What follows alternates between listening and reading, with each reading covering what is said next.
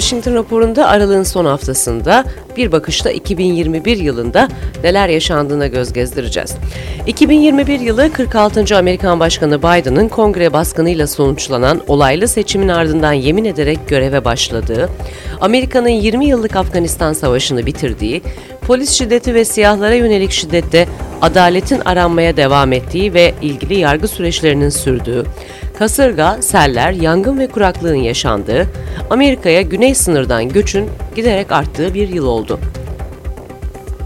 Covid ölümleri artarken girilen 2021 aynı zamanda aşının onaylandığı, pek çok alanda olduğu gibi aşı ve maske zorunluluğuna karşı da kutuplaşma ve ayrışmanın sürdüğü bir yıldı. Amerikan Kongresi ise demokratlar ve cumhuriyetçilerin de kendi aralarında bölündüğü, Covid yardım finansmanı dahil pek çok bütçenin tartışıldığı bir yıl geçirdi. Eski Başkan Donald Trump ve çevresine karşı açılan soruşturmalarsa yıl boyu sürdü. Şimdi önce yılın en çok öne çıkan başlıklarına genel olarak bir bakalım. Covid-19 ölümleriyle başlayalım. 2021 yılına Covid vakaları artarken girildi. Kasım 2021 itibariyle Amerika Birleşik Devletleri'nde 745 bin kişi Covid-19'dan öldü. Ölü sayısı 1918-19 yılları arasında yaşanan influenza salgınında ölen 675 bin kişiyi geçmiş oldu. Amerika Şubat 2020-21 arası 3 farklı Covid-19 aşısı için acil kullanım izni verdi. İkinci sırada bahsedebileceğimiz yılın olayı 6 Ocak Kongre baskını. Biden yönetimi eski başkan Donald Trump yanlılarınca 6 Ocak'ta gerçekleşen Kapitol baskınının ardından yemin ederek göreve başladı. Baskında aralarında polis görevlisinin de bulunduğu 5 kişi öldü.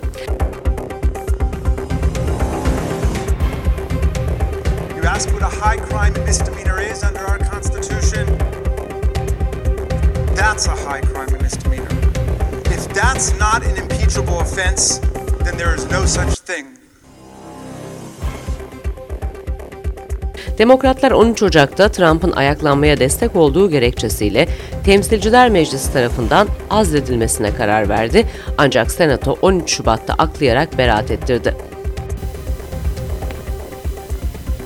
We must end this uncivil war that pits red against blue, rural versus urban, or, rural versus urban, conservative versus liberal. We can do this if we open our souls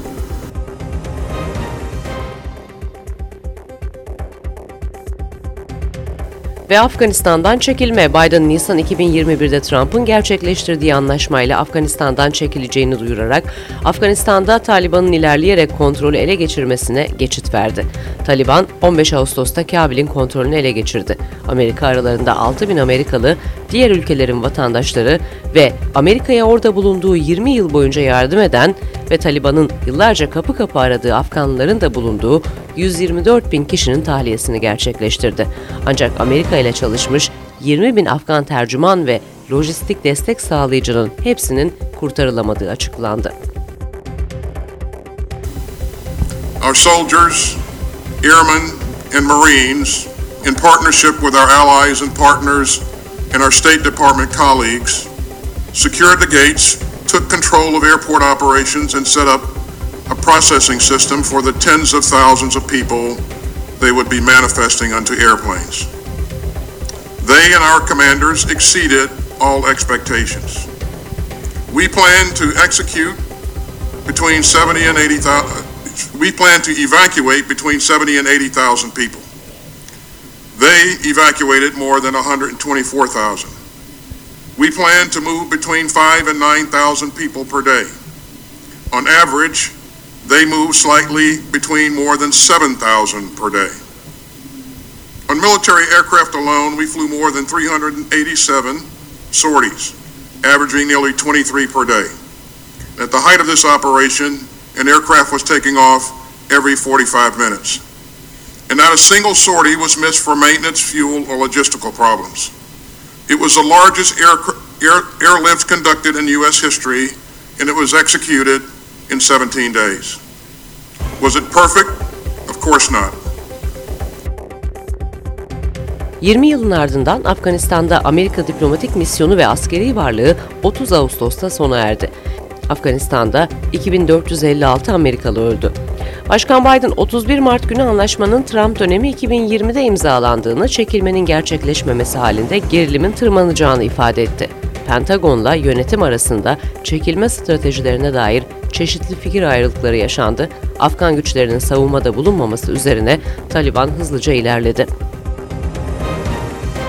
Last week reinforced that ending US military involvement in Afghanistan now was the right decision. American troops cannot and should not be fighting in a war and dying in a war that Afghan forces are not willing to fight for themselves. Tahliye operasyonlarında havaalanına erişim kaosunda 20 kişi öldü. US C-17 uçağında bir uçuşta 823 kişiyi gösteren fotoğrafla askeri jete dışarıdan tutunarak kaçmaya çalışan iki Afgan'ı gösteren fotoğraflar yıla damgasını vurdu. Jete tutunmaya çalışan iki Afgan'ın öldüğü açıklandı ve kaçak göçmenler Ekim 2020 Eylül 2021 arası sınır kayıtları 1.7 milyon kaçak göçmenin geçiş yaptığını gösterdi. 2021 yılı 1960'tan bu yana güney sınırdan en yüksek sayıda belgesiz göçmenin geçtiği yıl oldu. Kuraklık ve yangınlar Global küresel ısınma artarken 2021 yazı Amerika'da en sıcak yaz oldu. Birleşmiş Milletler bilim adamları iklim değişikliği ve küresel ısınmaya dikkat çeken yeni bir rapor daha yayınlayarak atmosferde birikime yol açan fosil yakıtlara dair önlem alınmasının aciliyetini vurguladı. Ağustos sonu Eylül başındaysa İda kasırgasında çok sayıda can kaybı yaşandı. Bir diğer tartışma başlığı kürtaj yasaklarıydı. Amerika'da bu yıl pek çok eyalette kadınların kürtaja erişim hakkı ile ilgili ciddi sınırlamalar getirildi. Mississippi ve Texas anayasanın koruma altına alırken düzenlemede eyaletlere yetki bıraktığı bu hakla ilgili 6 hafta sonrası ve 15 hafta sonrası değişik sınırlamalara gitti. Yeni düzenlemelerle bazı eyaletlerde işlem yapan kliniklere dava açılmasına olanak sağlandı. Yüksek Mahkeme ise kliniklerin de karşı dava açabilmesi yönünde karar verdi ancak düzenlemeleri iptal etmedi. Mars misyonu ve uzay turizmi. Şubat ayında uzay araçları Mars'a sefer düzenledi. US Perseverance 18 Şubat'ta hareket etti ve Nisan ayında iniş yaptı. Mars'ta eski yaşamın kalıntılarını aramak için nehir olduğu düşünülen bir kraterden örnek toplayan görevi tamamlamak için robotik bir helikopter kullanıldı. 11 Temmuz'da ise ilk olarak Virgin Galactic Richard Branson'ı ardından 20 Temmuz'da Blue Origin 4 kişiyi orbital uçuşla uzay turuna çıkardı.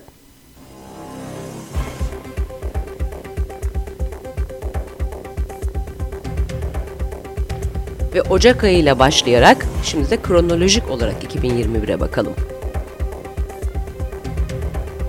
3 Ocak'ta Temsilciler Meclisi 222 Demokrat ve 211 Cumhuriyetçi, Senato ise 51 Cumhuriyetçi ve 46 Demokratla toplandı. 117. Kongre etnik ve ırksal olarak en çeşitli kongre oldu. 5 Ocak Georgia'daki seçim sonucuyla Senato'daki tablo 50-50 şeklinde değişti. Başkan yardımcısı Harris'in rolüyle Demokratlar kongrede zayıf bir üstünlük sağladı. Senato çoğunluk liderliği Schumer'e geçti ve Schumer bu rolü üstlenen ilk Yahudi lider oldu.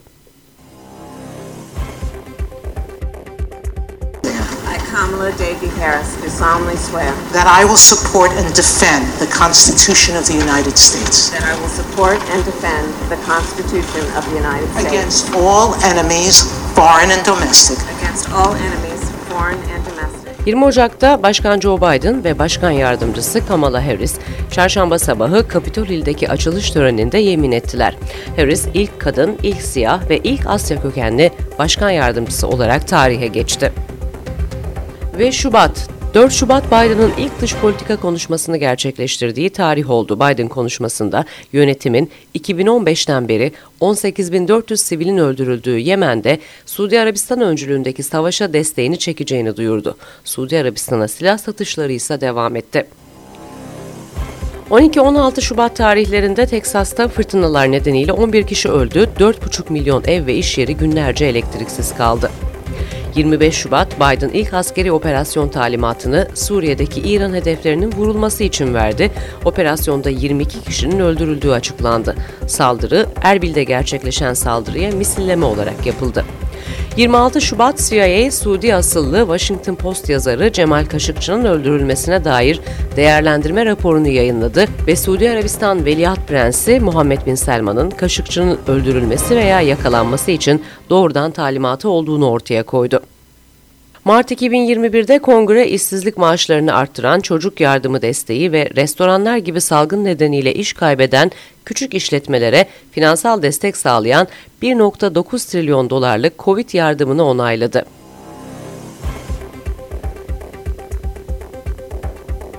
4 Mart'ta Facebook, Kasım seçimlerinin ardından getirdiği siyasi reklam yasağını kaldırdı. Google da ardından aynı yönde karar aldı. 16 Mart Ulusal İstihbarat Direktörlüğü Ofisi Rusya tarafından eski başkan Trump'a 2020 seçimleri için kampanya desteği verilmesini ve Biden'ın itibarının zedelenmesini onayladığını duyuran bir rapor ortaya koydu.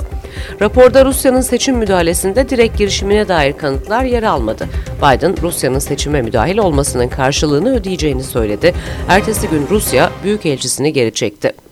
29 Mart New York'un demokratik valisiyle ilgili 10. bir kadın tarafından iddia edilen yeni bir cinsel taciz skandalı daha gündeme geldi. Vali Cuomo istifa etmeyi reddetti. 14 Mart salgın nedeniyle ertelenen 63. Grammy ödüllerine kadınlar damgasını vurdu. Billie Eilish, Everything I Wanted'la single ödülünü aldı. Taylor Swift ise Folklore yılın albümü kategorisinde üçüncü kez aynı ödülü alan isim oldu.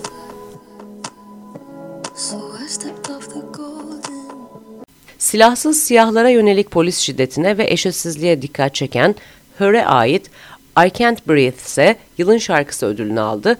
Yılın şarkısında söz ve kompozisyon oynanıyor.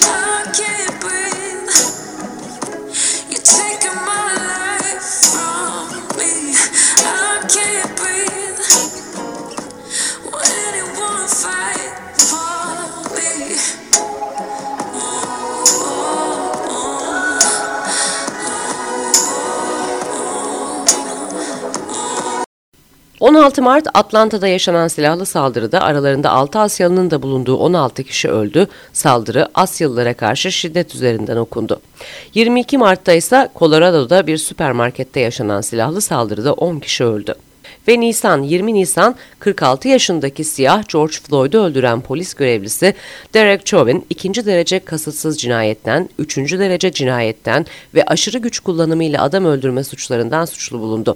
Üç hafta boyunca süren mahkemede 40 tanık dinlendi. Yargıç kendisine verilen yetki ve gücü kötüye kullandığını ifade etti. Chauvin'in Floyd'un boğazına tam 9 dakika boyunca etkisiz hale geldiği halde diziyle bastırmaya devam ettiğini gösteren video Amerika'nın her yerinde insanları sokağa döktü. District. State of Minnesota, County of Hennepin, District Court, 4th Judicial District, State of Minnesota Plaintiff versus Derek Michael Chauvin, Defendant.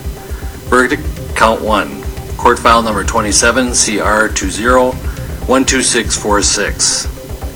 We, the jury, in the above entitled matter as to count 1, unintentional second degree murder while committing a felony, find the defendant guilty. Floyd'un ölümünde olay yerinde bulunan görevli diğer 3 polis ise daha hafif suçlardan suçlu bulundu. Yargılamaları 2022'de gerçekleşecek. Chauvin savunmasını Floyd'un bedeninde otopside bulunan fentanil ve mete bağlayarak gerçekleştirse de adli tıp bilirkişileri ölümün maddelerden veya mevcut kalp rahatsızlığından değil boğazına basılmasından dolayı nefes alamamasından kaynaklandığını ifade etti. Ayrı bir davada şehir idaresi Floyd ailesiyle 27 milyon dolar ödeyerek anlaştı. 11 Nisan'da ise bir polis 20 yaşındaki siyah Donta Wright'ı kırmızı ışıkta durmayınca silahla vurarak öldürdü.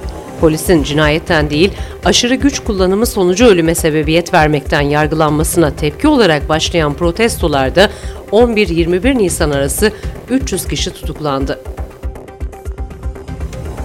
14 Nisan Biden Amerika'nın Afganistan'dan tüm askeri varlığını çekeceğini duyurdu. 15 Nisan eski bir FedEx çalışanı Indianapolis'te 10 çalışanı öldürdü ardından intihar etti.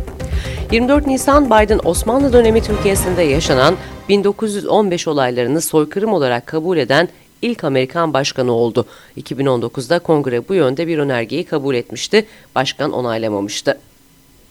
25 Nisan NASA Perseverance misyonu Mars'ın karbondioksit zengini bir atmosferi astronotlar için oksijene çevirebildiğini duyurdu. Karbondioksitin ısıtılması metoduyla bir astronot 10 dakika nefes alarak oksijen ihtiyacını karşılayabilecek. Ve Mayıs 2021'de Mayıs ayına kadar çeşitli cumhuriyetçi eyaletlerde LGBT karşıtı olduğu iddia edilen düzenlemeler harekete geçirildi. Düzenlemeler kadınlığa geçmiş trans bireylerin okul ve üniversite sporlarında yer almaması, bazı ergenlere geçiş operasyonu için sağlık hizmeti verilmemesi veya kimlikte cinsiyet hanesini değiştirmek için ameliyat kanıtı sunulması gibi konuları içeriyor. 3 Mayıs Biden ilerici demokratların baskısıyla sığınmacı sayısı sınırını 15 binden 62.500'e çıkardı. 2022'de bu limitin 125 bine çıkması bekleniyor. 7 Mayıs Meksika körfezinden New Jersey'ye petrol akışını sağlayan boru hattı siber saldırıya uğradı. Hackerlara 4.4 milyon dolar ödediği bildirilen şirket 15 Mayıs'a kadar normal operasyona dönemedi.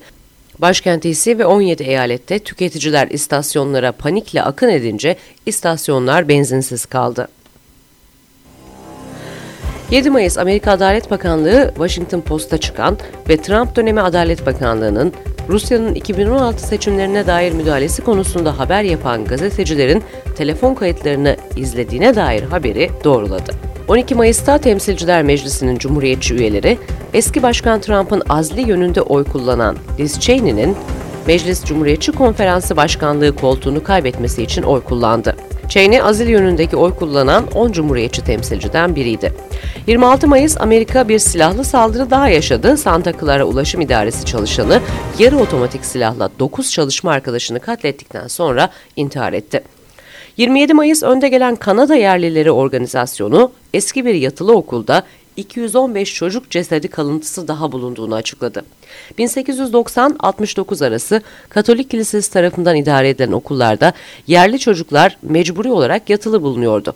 2015'te yayınlanan raporda yaklaşık 3200 çocuğun asimilasyona uğrayarak kötü muamele gördüğüne dair arşivler açıklanmıştı ve Haziran 1 Haziran Biden yönetimi Trump dönemi uygulaması olan ve iltica başvurusuyla güney sınırına gelenlerin ilk mahkeme duruşmasına kadar Meksika'da kalmalarını gerektiren düzenlemeyi iptal etti. Ardından 11 bin mülteci Amerika'ya giriş yaptı.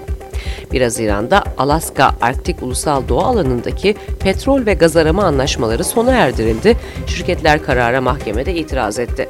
Daha sonra buna benzer şirketlerin uzun vadeli kiralama bedellerinin yükseltilmesi için çalışmalar sürdürüldü. 4 Haziran Facebook eski başkan Trump'ın Instagram ve Facebook hesaplarının 7 Ocak'tan başlamak suretiyle 2 yıl kapatılması kararını duyurdu. 11-13 Haziran arası Biden ilk yurt dışı ziyaretini G7 zirvesi için İngiltere'ye giderek gerçekleştirdi.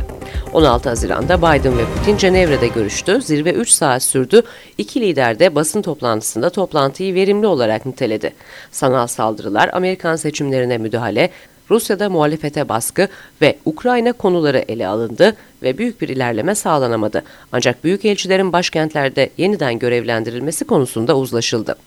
24 Haziran Florida'da okyanus kenarında 13 katlı apartman çöktü. 98 kişi hayatını kaybetti. 35 kişinin cansız bedeni çıkarılırken 2 kişi sağ kurtarıldı ancak biri daha sonra yaşamını yitirdi. 25 Haziran George Floyd'u öldüren polis memuru Derek Chauvin 22,5 yıl hapis cezasına mahkum edildi. What the cases or what the sentence is not based on is emotion or sympathy. But at the same time, I want to acknowledge the deep and tremendous pain that all the families are feeling, especially the Floyd family. You have our sympathies. I'm not basing my sentence also on public opinion. I am not basing it on any attempt to send any messages. A trial court judge, the job of a trial court judge is to apply the law to specific facts and to deal with individual cases. And so, Mr. Chauvin, as to count one, based on the verdict of the jury finding you guilty of unintentional second degree murder while committing a felony under Minnesota Statute 609.19 Subdivision 2, Paren 1. It is the judgment of the court that you now stand convicted of that offense. For a period of 270 months. That's 270. That is a 10 year addition to the presumptive sentence of 150 months. This is based on your uh, abuse of a position of trust and authority.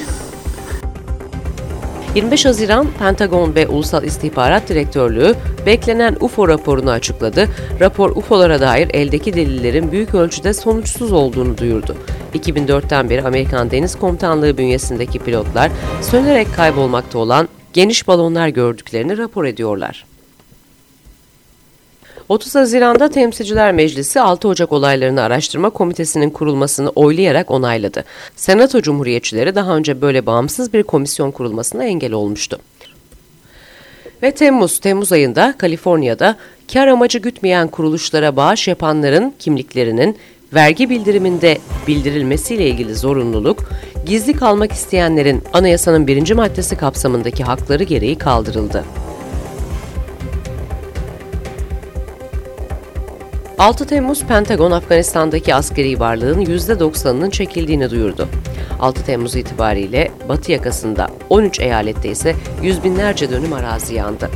11 Temmuz Küba'da halk gıda erişimi zorluğu nedeniyle protestolara başladı, 800 kişi tutuklandı. 23 Temmuz'da Surfside, Florida'da çöken apartmanda 14 gün süren arama çalışmaları durdu ve enkaz imha edildi. Çökmeden 10 hafta önce Kondo Yönetimi Başkanı'nın binada hasar olduğu ve güçlendirme yapılması gerektiğine dair mektup yolladığı öğrenildi. 2018 raporuysa binada drenaj sisteminden kaynaklanan ağır hasar olduğunu belirtmekteydi. Ağustos 10 Ağustos 1 trilyonluk altyapı bütçesi Senato'da onaylandı. 10 Ağustos'ta New York valisi Cuomo ise istifa etti. Savcılık dosyalarına göre Cuomo 11 kadını taciz ettiği gerekçesiyle soruşturuluyordu.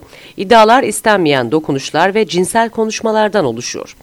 12 Ağustos'ta yayınlanan verilere göre nüfus kayıtları çeşitliliği ortaya koydu. Beyazların oranı 2010'dan itibaren %8.6 düşüşle toplam nüfusta %57.8'e geriledi. Kendini iki veya daha fazla ırka ait görenlerin oranı ise %276 artarak %10.2'ye çıktı. Bu oran 33.8 milyon kişiye tekabül ediyor. Latin ve Hispaniklerin artışı da sürüyor. 15 Ağustos eski Amerikan üssü Bagram'ın da Afgan kuvvetlerince Taliban'a teslim edildiği gün. 16 Ağustos Temmuz yangınlarının ardından Ağustos'ta kuraklıkla ilgili yeni haberler geldi. Güneybatı Amerika Birleşik Devletleri'ndeki Colorado Nehri üzerinde oluşturulan barajda su seviyesi düştü. Arizona çiftçileri su kesintileriyle karşı karşıya kaldı. 22 Ağustos NATO tahliye operasyonlarında Afganistan'da 20 kişinin öldüğünü duyurdu. 21 Ağustos'tan itibaren Ağustos sonuna dekse İDA kasırgasında New Orleans, Tennessee, New York ve Jersey'de çeşitli sellerde 70'ten fazla kişi öldü. 26 Ağustos Kabil'de Hamit Karzai havaalanı dışında gerçekleşen intihar saldırısında 13 Amerikan askeri, 169 Afgan öldü. 27 Ağustos'ta Amerika misilleme gerçekleştirdi. İki kişinin öldüğünü duyurdu. Ardından 29 Ağustos'ta ikinci bir drone saldırısında yanlış aracın hedef alınmasıyla aynı ailede 7'si çocuk 10 kişinin öldüğü duyuruldu. 31 Ağustos'ta ise Biden Beyaz Saray konuşmasında çekilmeyi savundu. The Afghan military collapsed sometime without trying to fight. If anything, the developments of the past week reinforced that ending U.S. military involvement in Afghanistan now was the right decision. Eylül, 1 Eylül Teksas'ta kalp atışı itibariyle yani yaklaşık 6 haftalık hamilelik sonrası kürtajı yasaklayan düzenleme yürürlüğe girdi. 6 haftalık sonrasında işlem yapan sağlık kuruluşlarının mahkemeye verilmesinin önü açıldı. Yasa sağlık gerekçeli aciliyetleri kapsamadı ancak ensest ve tecavüz durumları için de geçerli kılındı. 7 Eylül Teksas postayla oy kullanma ve oy kullananlara yardım gibi konularda oy kullanım haklarını sınırlama olarak görülen düzenlemeyi de uygulamaya koydu. 9 Eylül Biden yüzden fazla çalışanı olan iş yerlerine çalışanların COVID aşılı olması veya reddeden çalışanların haftalık test olması zorunluluğunu getirdi. Eylül ayı 2020 Eylül'e oranla neredeyse iki kat fazla Covid ölümü görülen bir ay oldu. Hastaneye yatan çocuk Covid vakaları 5 kat arttı. Devletten sağlık yardımı alanlara işlem sağlayan sağlık kuruluşlarında çalışanlara da aşı zorunluluğu getirildi. Zorunlu aşıya Cumhuriyetçiler tepki gösterdi. 14 Eylül'de 2019'da göreve gelen Kaliforniya valisi yeniden oylandı. Vali Newsom, Cumhuriyetçilerin yeniden oylama mücadelesine karşın seçimden yine galip çıktı. 15 Eylül SpaceX'in Dragon kapsülü havalandı ve sadece 4 amatör astronot sivilden oluşan ekip dünyanın etrafında yolculuğa çıktı. Yeryüzünden 360 mil uzaklaşan ekibin turu 3 gün sürdü. Inspiration 4 dünyanın yörüngedeki ilk tamamen sivil görevi olarak tarihe geçti. Göreve 38 yaşındaki Shift for Payments kurucusu ve CEO'su, başarılı bir pilot ve maceracı olan Jared Isaacman komuta etti. Misyon, Jude Çocuk Araştırma Hastanesi için farkındalık yaratmayı hedefledi. 17 Eylül Amerika Haiti'den gelen göçmen dalgası nedeniyle güney sınırını kapattı. 15 bin göçmen Del Rio Uluslararası Köprüsü'nün Amerika tarafında zor koşullarda Amerikalı yetkililerin işlem yapmasını bekledi. 12.400'ünün iltica başvurusu kabul edilerek ABD'de kalmalarına izin verildi. 17 Eylül Amerika ile Avustralya'nın İngiltere ortaklığında 66 milyar dolarlık denizaltı anlaşması Fransa'yı kızdırdı ve Fransa iki ülkedeki elçilerini geri çağırdı. Avustralya daha önce Fransız denizaltıları almayı hedefliyordu. Amerika, Hint Pasifik'te Çin'e karşı Avustralya'yı elektrik güçle çalışan dizel denizaltılara alternatif, nükleer güçle çalışan denizaltılara yöneltti. 20 Eylül Türkiye Cumhurbaşkanı Recep Tayyip Erdoğan, Amerika'nın New York kentindeki Birleşmiş Milletler Genel Merkezi'nin hemen karşısındaki Türkiye Center'ın açılış töreninde kurdeleyi kesti. 36 katlı gökdelen Türkiye'nin Birleşmiş Milletler Daimi Misyonu'nun yanı sıra Türkiye Başkonsolosluğu'nu da barındırıyor.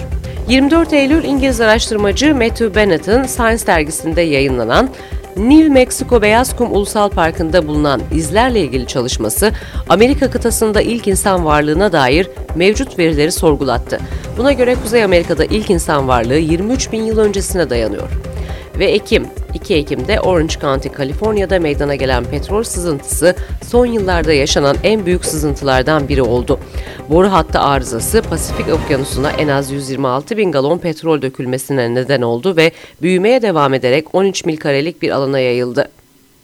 Aralık ayında ise federal savcılar New Orleans merkezli şirketin 432 milyon dolarlık bir temizleme fonunu ek olarak da 43 milyon dolar daha ödemeyi kabul ettiğini duyurdu.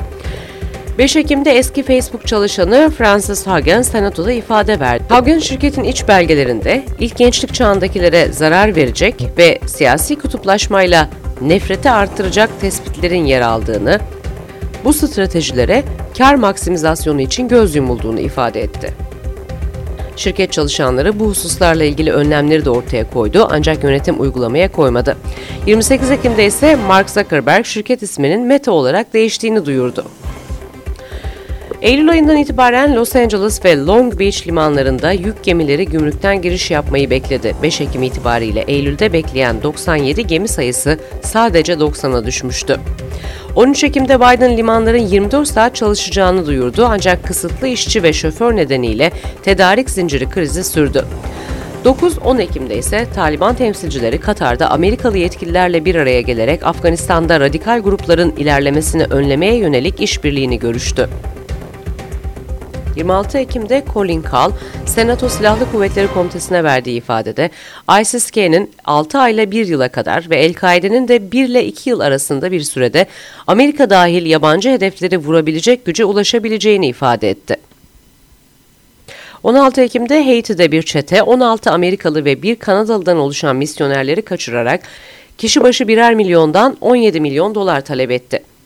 21 Ekim'de sinemacı Halina Hutchins, Los Angeles'ta film setinde oyuncu Alec Baldwin'in elindeki silahtan çıkan kaza kurşunuyla öldü. 28 Ekim'de Facebook şirket adını Meta olarak değiştirdiğini duyurdu.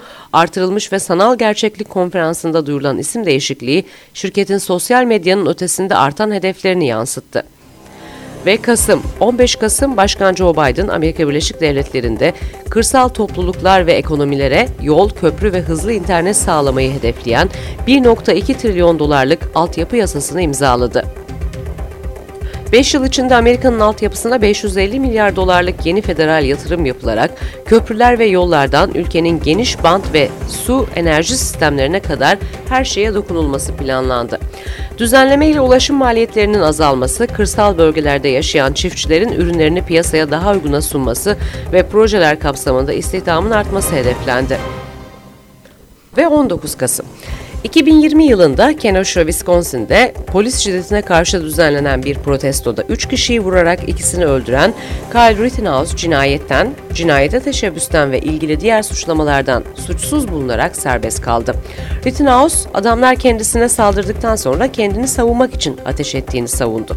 Ardından muhafazakar organizasyonlara konuşmacı olarak davet edildi ve büyük ilgi gördü ve Aralık ayına kasırga damgasını vurdu. 10 Aralık'ta şiddetli bir kasırga Batı Kentucky'yi geçerek Mayfield, Benton, Dawson Springs ve Bremen'da dahil olmak üzere çok sayıda kasabada ciddi hasarlara yol açtı. Başkan Biden bölgeyi ziyaret etti. Eyalet tarihindeki en yıkıcı kasırga olayı olarak nitelenen olayda 78 kişi öldü.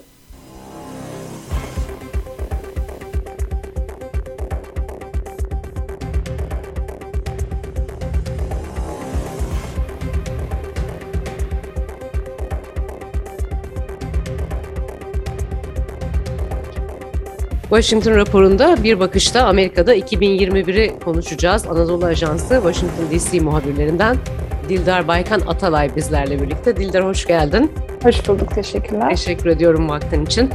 E, yemin töreninden başlayalım istersen aslında. Çünkü Ocak ayında e, 2021'e girerken bayağı fırtınalıydı e, Washington. E, sen aslında New York'ta görevliyken DC'ye geldin. E, tam olarak ne zaman gelmiştin? Ben 2019 yazında gelmişim. Yani Trump'ın da son dönemine yetişmiş oldum bir buçuk yıl kadar. Evet. Töreni nasıl takip ettin ve e, nasıl bir giriş oldu yıla 6 Ocak olayları ve peşinden 20 Ocak'ta e, Biden'ın yemin töreniyle? Ee, evet aslında e, töreni biz tabii ki çok yakından takip ettik hazırlıkları ama e, bir nevi de çok tarihi bir tören oldu. Öncelikle Covid-19'un gölgesinde ilk defa böyle bir tören yapıldı.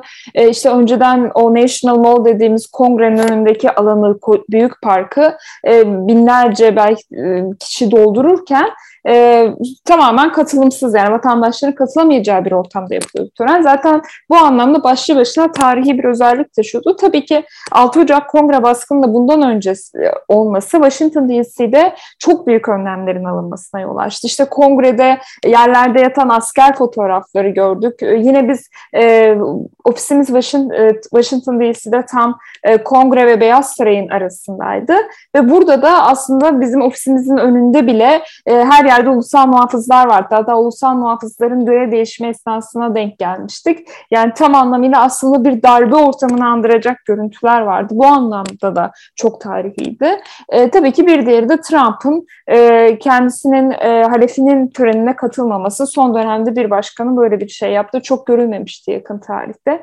Trump'ın seçim sonuçlarını kabul etmemesi nedeniyle e, Trump e, 20 Ocak günü sabah saatlerinde daha yemin töreni başlamadan o süreç başlamadan Washington DC'den ayrılarak Florida'ya gitti. Bu anlamda da tarihi bir e, tören oldu bizim için. Tabii ki ben ilk defa bir inauguration dediğimiz bu göreve başlama yemin törenine şahitlik etmiş oldum. E, bu da bizim için önemliydi. Yine ABD'nin ilk e, kadın başkan yardımcısının yemin ettiğine de şahit olduk o gün Biden'ın yanı sıra. Biden ABD'nin ilk e, en yaşlı e, başkanı olmuş oldu. E, dolayısıyla aslında birçok ilkin yaşandığı tarihi anlara şahitlik etmiş olduk ve Washington DC'de sahada ortamı koklamak için de biz gazeteciler için çok önemliydi o gün. Evet peki e, Trump sonrası Trump'ın son döneminde kısa bir dönem e, Washington'daydın. E, nasıl bir farklılık geldi günlük iş akışına senin? Mesela evet. Trump'ı izlerken eğleniyorduk.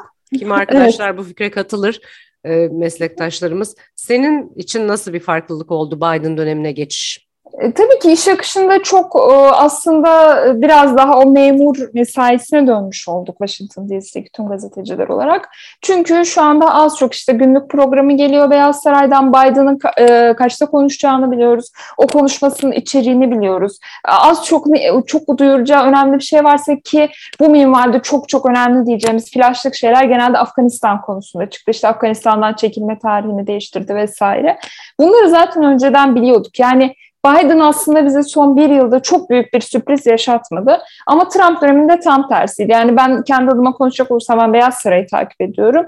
Ee, Trump her an işte tweet atarak bir bakanını kovabiliyordu, kabinesindeki birisini kovabiliyordu ya da bir ülkeyle alakalı kararları bile oradan açıklıyordu. Hatta mesela hiç unutmadığım bir gün Bağdadi'nin öldürüldüğü gündü. Ee, işte ertesi gün basın toplantısı yapacak. Bir gece önceden işte çok bir şey çok önemli bir şey oldu diye e, Trump tweet atıyordu. Yani bunların hepsini takip etmek tabii ki sürekli bir alarmda olma durumu gerektiriyordu. İşte ben mesela hafta sonu bile ya da akşamlar artık mesaimiz bitti diye bir şey diyemiyorduk. Tüm ekip arkadaşlarım bu şekildeydi. Her an Trump'tan bir şey çıkabilir, Trump yönetiminden bir şey olabilir diye sürekli alarm bir durumda. İşte birbirimize misafirliğe giderken de dışarı çıkıp arkadaşlarımızla buluşacağımızda bile yanımızda laptoplarımızla geziyorduk.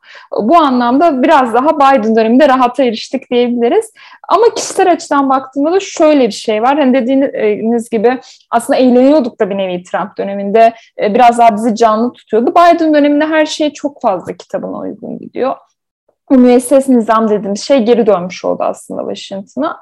Ee, işte Trump döneminde ben mesela daha çok yeni bir gazeteci olarak çok şey öğreniyordum gün içinde. İşte Trump çıkıp bir şey diyordu. Orada işte anayasanın bir maddesine bakmamız gerekiyordu ya da Amerikan kanunlarına bakmamız lazımdı. Bu anlamda biraz daha eğitici olmuştu benim için. Biden döneminde biraz daha işte her gün birbirinin tekrarı, işte Ukrayna konusu oluyor. Zaten bir kere bir şey diyorlar, sonrasında hep onu tekrar ediyorlar. İşte Beyaz Saray basın briefinginde de aynı söyleniyor. Pentagon'da da aynısı söyleniyor. E, Dışişleri Bakanlığı briefinginde de aynısı söyleniyor. Tabii ki bazı arkadaşlarımız e, çok rahatladık, e, çok daha iyi diyebiliyorlar. Bazı arkadaşlar mesela işte çok sakin artık sıkıcı olmaya başladı diyor, diyebiliyorlar. Benim için de biraz daha nefes aldığımız bir dönem oldu ama eğiticilik açısından e, biraz daha sakin bir dönem olarak geçti diyebiliriz bu bir yıla. Peki e, Cumhuriyetçi bir partinin ardından ve Trump gibi bir başkanın ardından Hı-hı. demokratlar geldi. Sen de bu değişime tanıklık ettin. Ee, hem kongreyi izlediğimiz zaman tartışılan yasaları biliyoruz az çok. Onların Hı-hı. dışında söylüyorum. Sana göre Biden'ın ilk yılında temel politika farkları ne oldu Amerikalılara yansıyan? Ee, yani bunlardan ilki dediğim gibi biraz daha e, dış politikada oldu. İşte Biden'ın o daha yemin töreninde aslında dış politikayla alakalı çok az şey söylemişti ama e, dış politikayla alakalı söylediği en önemli şey Amerika artık geri döndü olmuştu. E, Biden'ın bu konuda girişimleri oldu. İşte Paris İklim Anlaşması'na geri dönüldü. İran'la nükleer anlaşmaya geri dönülmesi konuşuluyordu ama şu anda biraz daha o konu çöpe gitmiş gibi oldu. Yine İran yönetimini suçluyor şu anda Trump yönetimi. Bu anlamda işte o ABD'nin aslında Trump döneminde biraz daha o içe dönüş, işte Amerika First yani önce Amerika anlayışından biraz daha kaçmaya çalıştılar ama bir taraftan da buna yakalandı Biden dönemi. Çünkü çok olağanüstü bir dönemde. Yani Covid-19 ıı, hani sürekli Covid-19'da geliyor laf ama aslında şu anda Amerika'nın hem iç hem dış politikasını etkileyen bütün ülkeler için böyledir. En önemli faktör durumunda COVID-19.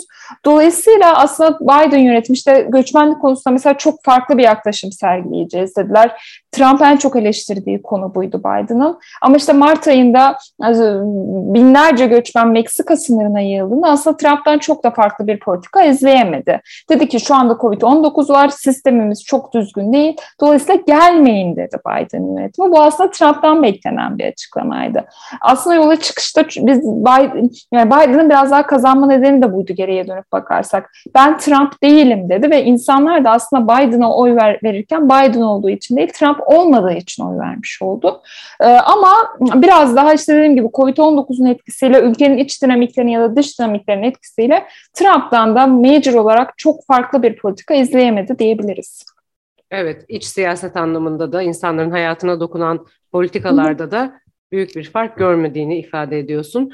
Peki 2020'de e, zor bir yıl geçirdi dünya tabii ki. E, Covid Amerikalılara da çok zorluk yaşattı. Özellikle New York'ta çok fazla can kaybı oldu. Hastanelerin durumu sorgulandı, sağlık politikaları sorgulandı. E, 2021 eğer Covid vakalarının arttığı bir süreçte yeni yıla girilmiş oldu 2021'e girilirken. E, bugün 2021'i de bitiriyoruz. Senin gözlemine göre 2021 salgında neler getirdi? Amerikalılar için e, nasıl ilerledi 2020'ye göre baktığımızda?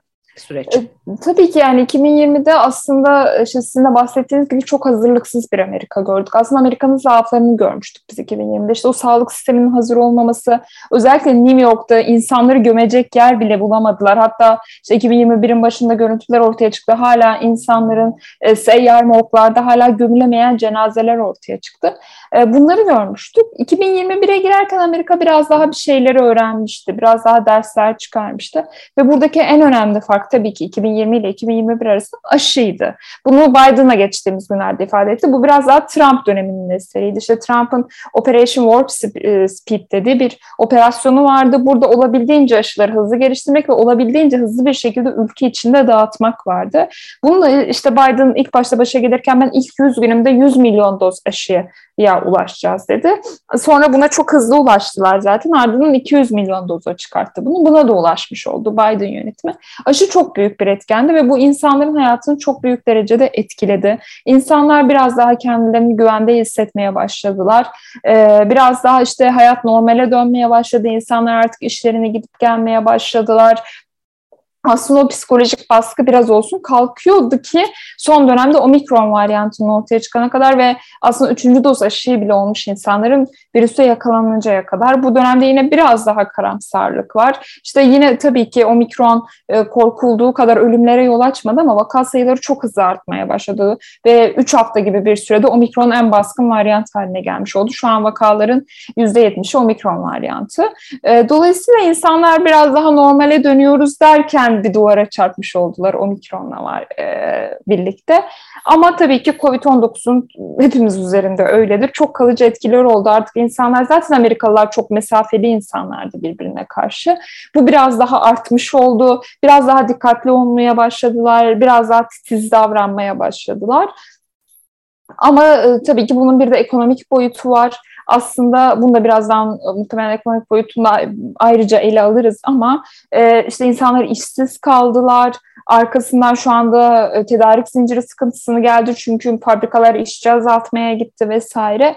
Biri de ekonomik boyutu var tabii ki ekonomiyle birlikte psikolojik boyutu var çünkü insanlar bir taraftan yakınlarını kaybettiler, arkadaşlarını kaybettiler. Yani neredeyse 1 milyon kişiye koşuyor şu an Amerika'daki ölü sayısı 800, mil, 800 bini geçmiş durumda. E, herkes birilerini kaybetmiş oldu. Bir taraftan da işlerini kaybetmiş oldular ya da yakınları işlerini kaybetmiş oldu. Dolayısıyla büyük bir psikolojik baskı da oluştu diyebiliriz. Evet, bir taraftan da son haberlere göre e, bu Covid yardımı bütçesinden ve e, yükseltilen işsizlik fonlarından e, herhalde Secret Service ve federal e, araştırmalarla ortaya çıkarılmış çok fazla kişinin de yalan beyanla bu hizmetlerden faydalandığı ve e, fonların bir kısmının aslında yanlış kullanıldığı yani yetkililerin aldatılmasıyla e, kayıt dışı çalışmanın artmasıyla bu ortaya çıkmış şimdi de. Yani tabii ki hani biz şimdi bir şeyden bahsediyoruz sürekli işte işsizlik şu kadar arttı falan ama bir taraftan da yani geçenlerde Bloomberg'de bir haber vardı. 23 milyon kişi de kendisi bırakmış aslında çalışmayı. Hani bu biraz daha işte o pandeminin getirdiği e, ya biz ne için çalışıyoruz gibi özellikle Z kuşağında böyle bir şey var ama bir taraftan da işte dediğiniz gibi yalan beyanlar var, kayıt dışı çalışmalar çok fazla arttı bu dönemde. Çok zengin insanların bile bu fonlardan yanı e, e, yararlandığı konuşuluyor. Yani milyonerlerden Kendisi konuşuluyor. bırakanlar Dildar e, ispatlayamadıkları için kovulduklarını veya işlerinin veya kendilerine iş veren yerin e, artık çalışamaz hale geldiğini onlar alamadılar ama gerçekten e, el altından çalışmaya devam ederek e, para alanlarda çok fazla olmuş. O da soruşturulacak tabii ki. Evet. Peki sana göre bu, bu yıl yazdığın haberler içinde e, veya sana denk gelmemiş de olabilir. Arkadaşların, mesai arkadaşların da yazmış olabilir o haberi ama sana göre en büyük olay neydi Amerika'da 2021'de? Yani iç politik olarak bakarsak bence kesinlikle kongre baskınıydı. Yani o gün biz güne bambaşka bir şekilde uyanıp işte yani o gün normalde bizim gündemimizde Trump'ın e, Beyaz Saray önünde yapacağı konuşma ve e, kongrede yapılacak oylama e, 3 Kasım 2020'de yapılan seçimlerin e, teyidi anlamındaki, tasdiki anlamındaki oylamaydı. Biz bu şekilde başlarken bir anda kendimizi aslında çok tarihi bir olayın ortasında bulduk. Biz sahadaydık o gün arkadaşlarımıza. Kongreye çok yakın bir yerdeydik. Ve biz en başta aslında işte ya kongre basılıyor, kongrede bir şeyler oluyor denildiğinde çok da ihtimal veremedik. Ya kongre basılmaz herhalde e, gibi oldu ama sonrasında aslında çok ciddi bir vakayla karşı karşıya olduğumuzu fark ettik ve e, gerçekten benim hayatımın belki de e, meslek hayatımın en uzun günlerinden birisi olmuştu o gün. Dolayısıyla o kongre baskını günü gerçekten de hem Amerikan tarihi açısından hem de bir gazetecinin kariyerinde çok önemli bir andı diyebilirim. Ne hissettin peki? Ee, aslında olayı çok sıcaklığıyla anlayamadık tabii ki. O an bizim için öncelikli olan bir ajansa haber geçmek, ajansa gelişmeleri an be an aktarabilmek. İki, e, biraz daha canlı yayınlara ağırlık vermiştik. Biz o gün işte kanallara bağlanıyorduk. E, nereden bilgi alabiliriz falan o koşturmacanın içinde çok anlayamadık ama ben o gün eve gelip e, işte geriye dönüp baktığımda o günü kafamın içinde değerlendirdiğimde şunu dedim yani bir gazetecinin hayatında karşılaşabileceği çok sayılı anlardan birisine şahitlik ettim ben galiba bugün dedim. Ee, onu yani o anı hissetmek şeydi ve biraz bu sizde de vardır, bütün gazeteci arkadaşlarda da vardır. Bu tarz önemli anlarda hep sahada olmak isteriz. Keşke o anı görebilseydim, keşke o durumu yaşayabilseydim derdik. Biraz da kendimi bu anlamda şanslı hissettim o an. Yani çünkü bu olaya mesela başka bir ülkeden bakan gazeteci olsaydım çok meraklanırdım muhtemelen ve buradaki arkadaşlara imrenerek bakardım. O anlamda kendimi de şanslı hissettim yani burada olabildiğim için. Evet. Peki e, kongreye baktığın zaman, e, Beyaz Saray ve kongreye baktığın zaman, kabineye baktığın zaman e, sana göre en dikkat çeken, öne çıkan e, kongre üyesi veya e, hangi yetkili isim var Biden yönetiminde veya Cumhuriyetçilerin içerisinde bu dönem?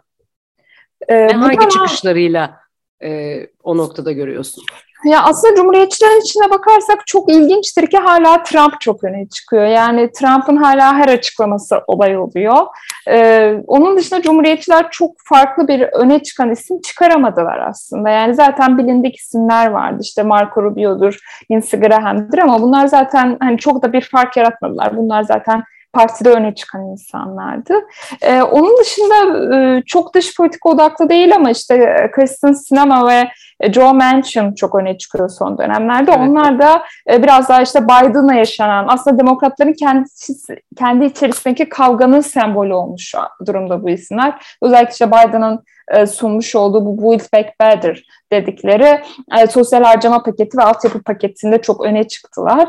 Ve şu anda da aslında Joe Manchin e, Biden'ın bu paketine belki de tabutuna son çiviyi çakan insan olmuş oldu. Çünkü e, senatoda çok hassas bir denge var. İşte 50'ye 50 e, şey Kamala Harris burada dengeyi bozan kişi olarak kullanılıyor başkan yardımcısı olarak ama tabii ki demokratlardan birisinin cumhuriyetçilerin tarafına geçmesi demek anında dengeyi bozuyor. Bu anlamda bence bu iki isim iç politikada e, çok önemli ve dediğim gibi demokratların içindeki aslında çatlakların da birer temsilcisi olarak öne çıktılar. Evet, cumhuriyetçilerin içerisinde de e, Trump'ın azledilmesi döneminden itibaren e, Liz Cheney gibi isimler aslında başka bir çizgide oldular. Onlar da sorgulandı pek çok hususta ama e, bakalım nereye gidecek 2022'de göreceğiz onu da artık.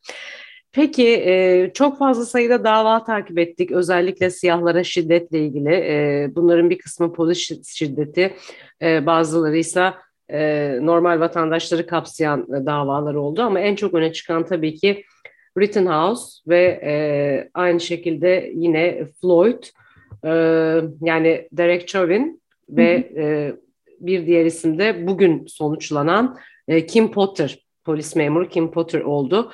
E, nasıl görüyorsun bu davalara bakınca?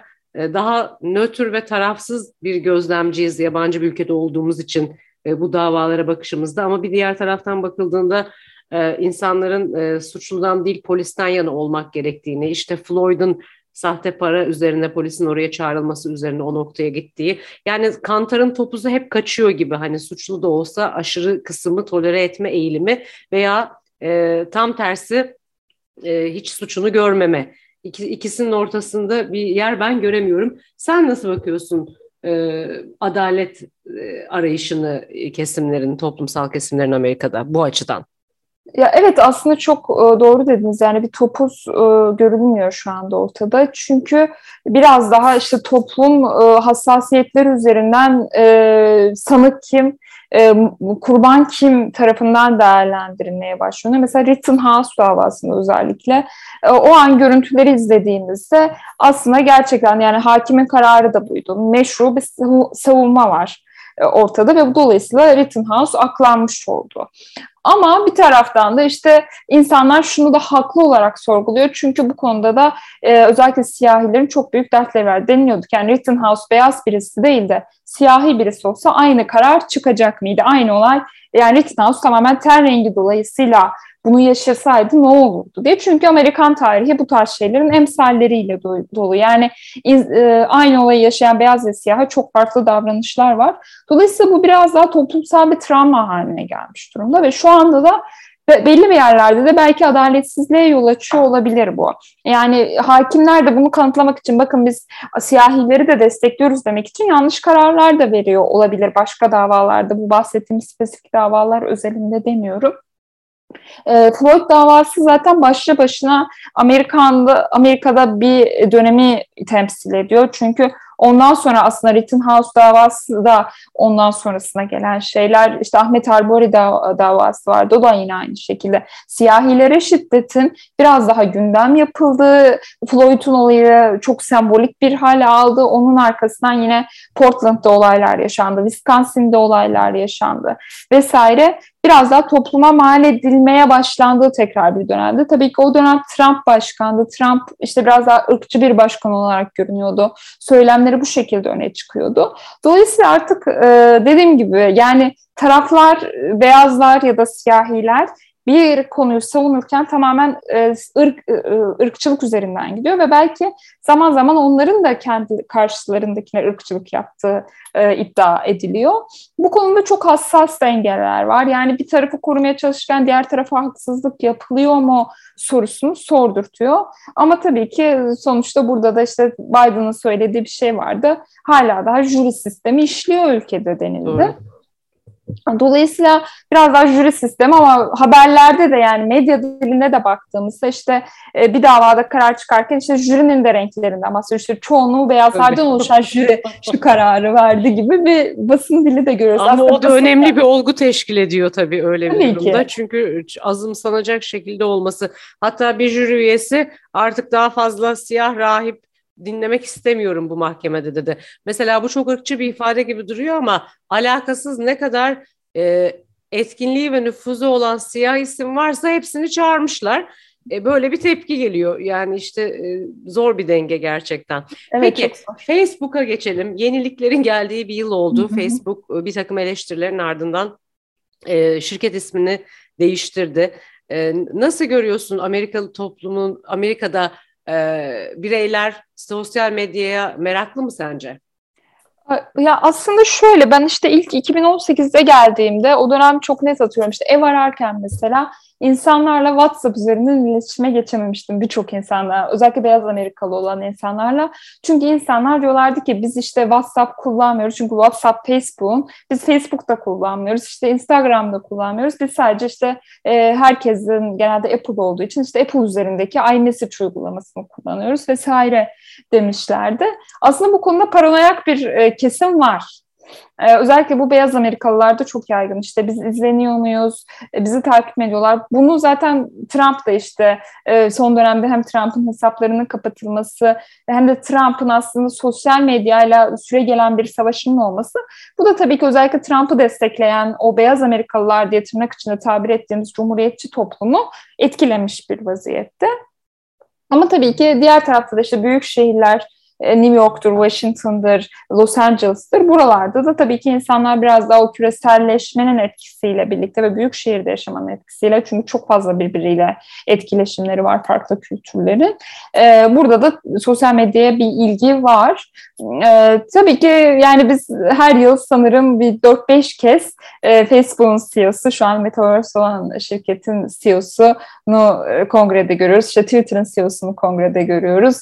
Amazon'un CEO'sunu kongrede görüyoruz. Aslında bir taraftan da sorgulanan bir toplum bunlar.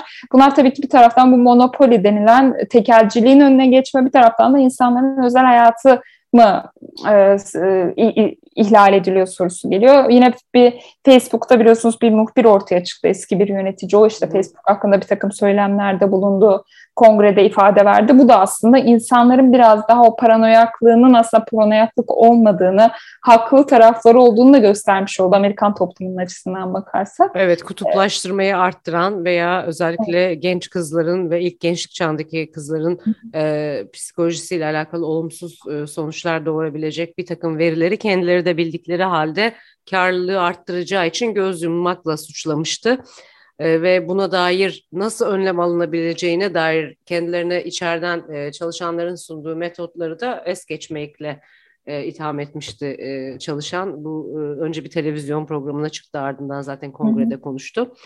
Peki e, ekonomi ve yüksek enflasyon Türkiye'nin de çok gündeminde Amerika'da da çok tartışıldı. E, işin e, maliye politikaları ayrı tartışıldı ama e, çoğu gazeteci de e, tabii yani Türk gazeteciler e, bu konuda buradaki olayları haber yaptıkları zaman olayları abartmakla da eleştirildiler. Bu da tamamen aslına bakarsanız burada da Türkiye'de de hani bir taraftan siyasal görülen bir e, olaydı. E, işte orada her şey e, ya çok kötü ya çok iyi böyle görmek istiyorlar Amerika'yı da. Sen günlük hayatında burada yaşayan biri olarak enflasyonun fiyatlara yansıdığını gördün mü? Nelerde en çok gördün gördüysen? E, neyi alırken fark ediyorsun mesela? E, bunu sormak isterim. E, tabii ki yani bir e, Amerika'da yaşayan bir kişi olarak bunu görüyoruz. Yani en basitinden işte bu hafta sonu yaşadık. Daha 3-5 ay önce e, bir marketten aldığımız yağ işte aynı miktardaki yağ 23 dolarken bu hafta gittiğimizde 30 dolar gibi bir fiyatla karşılaştık. Benzinde bu zaten çok net görülüyor ki o enflasyon kalemlerine de tek tek bakıldığında benzin fiyatlarında ciddi bir artış olduğu göze çarpıyor.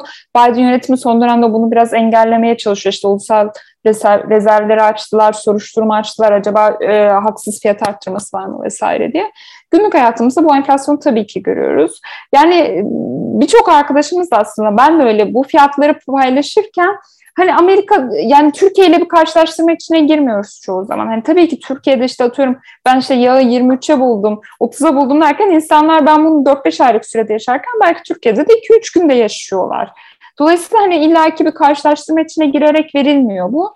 Sadece Amerika'da da bu oluyor 2-3 günde yaşanması da panik davranış, davranışından aslında. Tabii yani ki. daha yansıyacak Hı. bir durum oluşmadan henüz e, ekonomiyle ilgili döviz artışı e, insanları bir, bir takım fırsatçılık da e, muhtemelen oluyor. Tabii Ama burada bu kadar olmadı o değil mi? O kadar hızlı. Tabii ki. Tabii e, ki. Yani bundan hemen panik var, e, e, supply chain dediğimiz tedarik zinciri krizi var, e, şoför bulunamıyor. Bütün bu aksiliklere rağmen fiyat artışları görüldü ama böyle bir gün içerisinde, iki gün içerisinde satıcıların hemen her şeyi arttırdığını görmedik. Yok, Bilemiyorum yok. bu düzenlemelerden mi veya kapitalist sistemin daha uzun bir oturmuş tarihi olduğu için mi e, bunu bilemiyorum. Ya biraz daha alıştıra alıştıra yaptılar bence. Yani bir anda işte 6-7 dolar zam değil de hani işte bir gidiyorsunuz 2 dolar zam gelmiş. Bir gidiyorsunuz 4 dolar. Yani tabii ki Türkiye'deki kadar büyük bir artış yok. Zaten enflasyon da hani e, yüzdelere baktığımızda o kadar bir fark yok.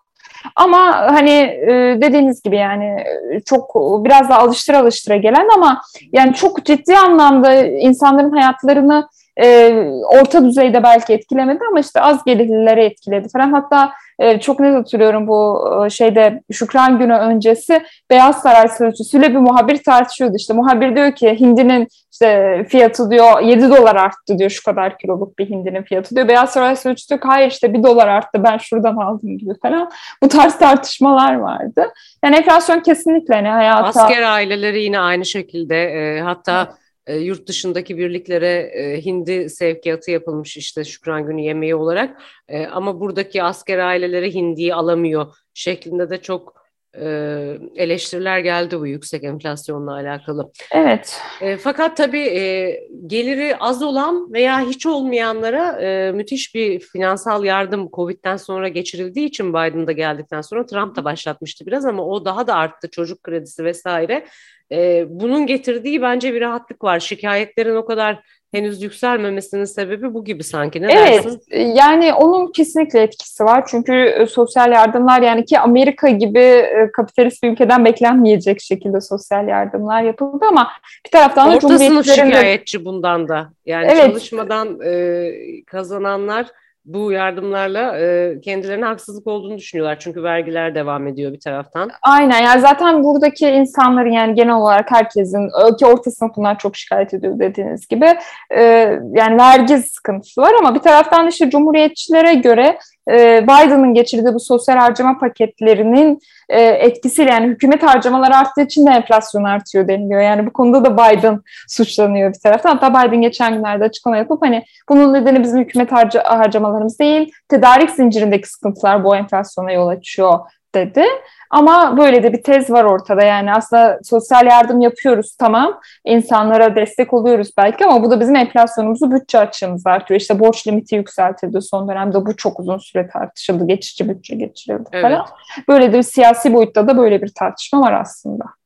Peki son sorumuza geçelim o zaman. Ee, daha çok e, Beyaz Sarayı, Kongre'yi, Washington DC'yi takip ediyorsun. Zaten e, Anadolu Ajansı'nın da en kapsamlı çalıştığı bölge orası. Ee, bunun dışında bu yıl 2021'de Dildar Baykan Atalay DC dışına çıktı mı? Başka yerlere göreve gönderildi mi? Yoksa ağırlıklı olarak başkenti mi takip ettin? Ee, Yani ağırlıklı olarak başkent çünkü e, yani sizin de dediğiniz gibi aslında baş, başkent başlı başına bir iş.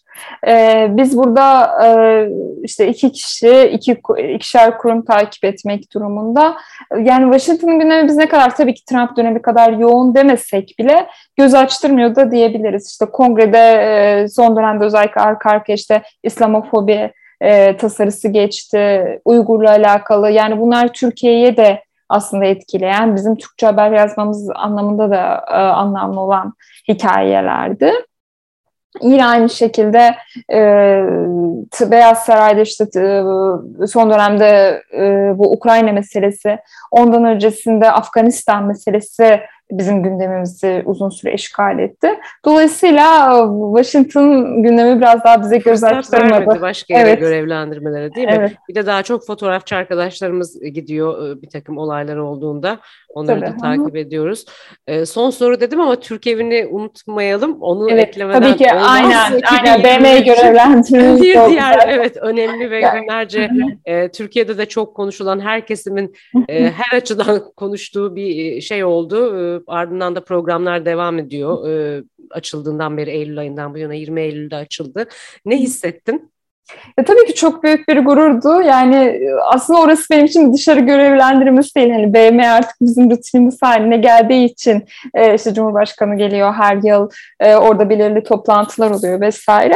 Aslında benim de bir gazeteci olarak yine benim için en eğitici olan dönemlerden birisi oluyor o dönem. E, çünkü aslında bütün dünyanın nabzının o an New York'ta o BM binasına attığını hissediyorsunuz. Ve şimdi o BM binasının tam karşısına bir de Türkiye'nin kalbi atıyor. O anlamda bizim için çok değerliydi. Yani özellikle işte o, ge- e, Türk evinin önünde beklerken önümüzden arkadaşlarla durup Aa işte Kore e, devlet başkanı geçiyor, şu ülkenin devlet başkanı geçiyor, şu ülkenin e, lideri geçiyor gibi bir konum. Yani o an gerçekten Türkiye'nin aslında ne kadar anlamlı bir iş yaptığını, e, o Türk evinin konumu itibariyle bile zaten başlı başına çok önemli olduğunu, onun arkasına zaten çok şık bir bina yapılmış. İşte içinde e, çok güzel etkinlikler yapılıyor ve sadece Türkiye ile alakalı olmuyor bu. Orada aslında bir imzanın olması, o e, New York'un o e, gökdelen e, manzarasında Türkiye'nin de bir imzasının olması, Türk motiflerinin de bu derece güzel yansıması tabii ki hepimiz için bir gurur oldu. Evet. E, Evet. Çok önemliydi hepimiz. Aslında Cumhurbaşkanı Erdoğan e, hala e, uluslararası sistemde BM'den umutsuz olmamak gerektiğini e, bu binayla ortaya koydu ama bir taraftan da kitabıyla birlikte gelerek eleştirilerini de bu sisteme yöneltti. Yani e, dünyanın nabzı BM'de atıyor fakat e, bir noktada da belli güç odakları tarafından atıyor. Yani e, herkesin eşit şekilde sorunları ifade edip çözüm önerilerini hayata geçirebildiği bir yapı olmamakla da eleştiriliyor. Sanki bir nevi hem sistemin içinde hem de sistemin tam karşısında bir e, yeri oldu e, Türk Evi'nin birçok görüşmede orada gerçekleştirildi. Eklemek istediğim bir şey var mı 2021'de Amerika Birleşik Devletleri'ne dair? Ee, yok yani dediğim gibi ilk ayı özellikle o ilk bir ay işte kongre baskını arkasından e, Trump'ın tekrar ikinci aziz soruşturmasına girmesi arkasından e, Biden'ın e, yemin töreni çok e, hareketli olarak başladık yıla. E, işte Ağustos ayında Afganistan meselesi gündeme geldi e, aslında her ne kadar Trump dönemine göre sakin desek de bizim için hareketli bir yıl oldu. E, 2022'de şu anda tekrar bir Covid gündemiyle giriyoruz e, ve yine 2022'de kongre ara seçimleri var. O da bizim için çok önemli. Yani burada Washington takip eden gazeteciler için önemli. Çünkü o kongredeki dengenin nasıl sağlandığını görmüş olacağız. O yüzden artık 2022 hazırlanıyoruz. E, neler olacağını hep birlikte izleyeceğiz. Evet. Çok teşekkür ediyoruz Dilber Baykan Atalay. Yine bekleriz. Çok teşekkürler Kavay. Ağzına sağlık. 2021'in son Washington raporunda yıl boyu Amerika'da yaşananları derledik. Ocak ayının ilk hafta sonunda yeniden karşınızda olan dek hoşçakalın. 2022'de daha iyi haberler paylaşmayı diliyoruz.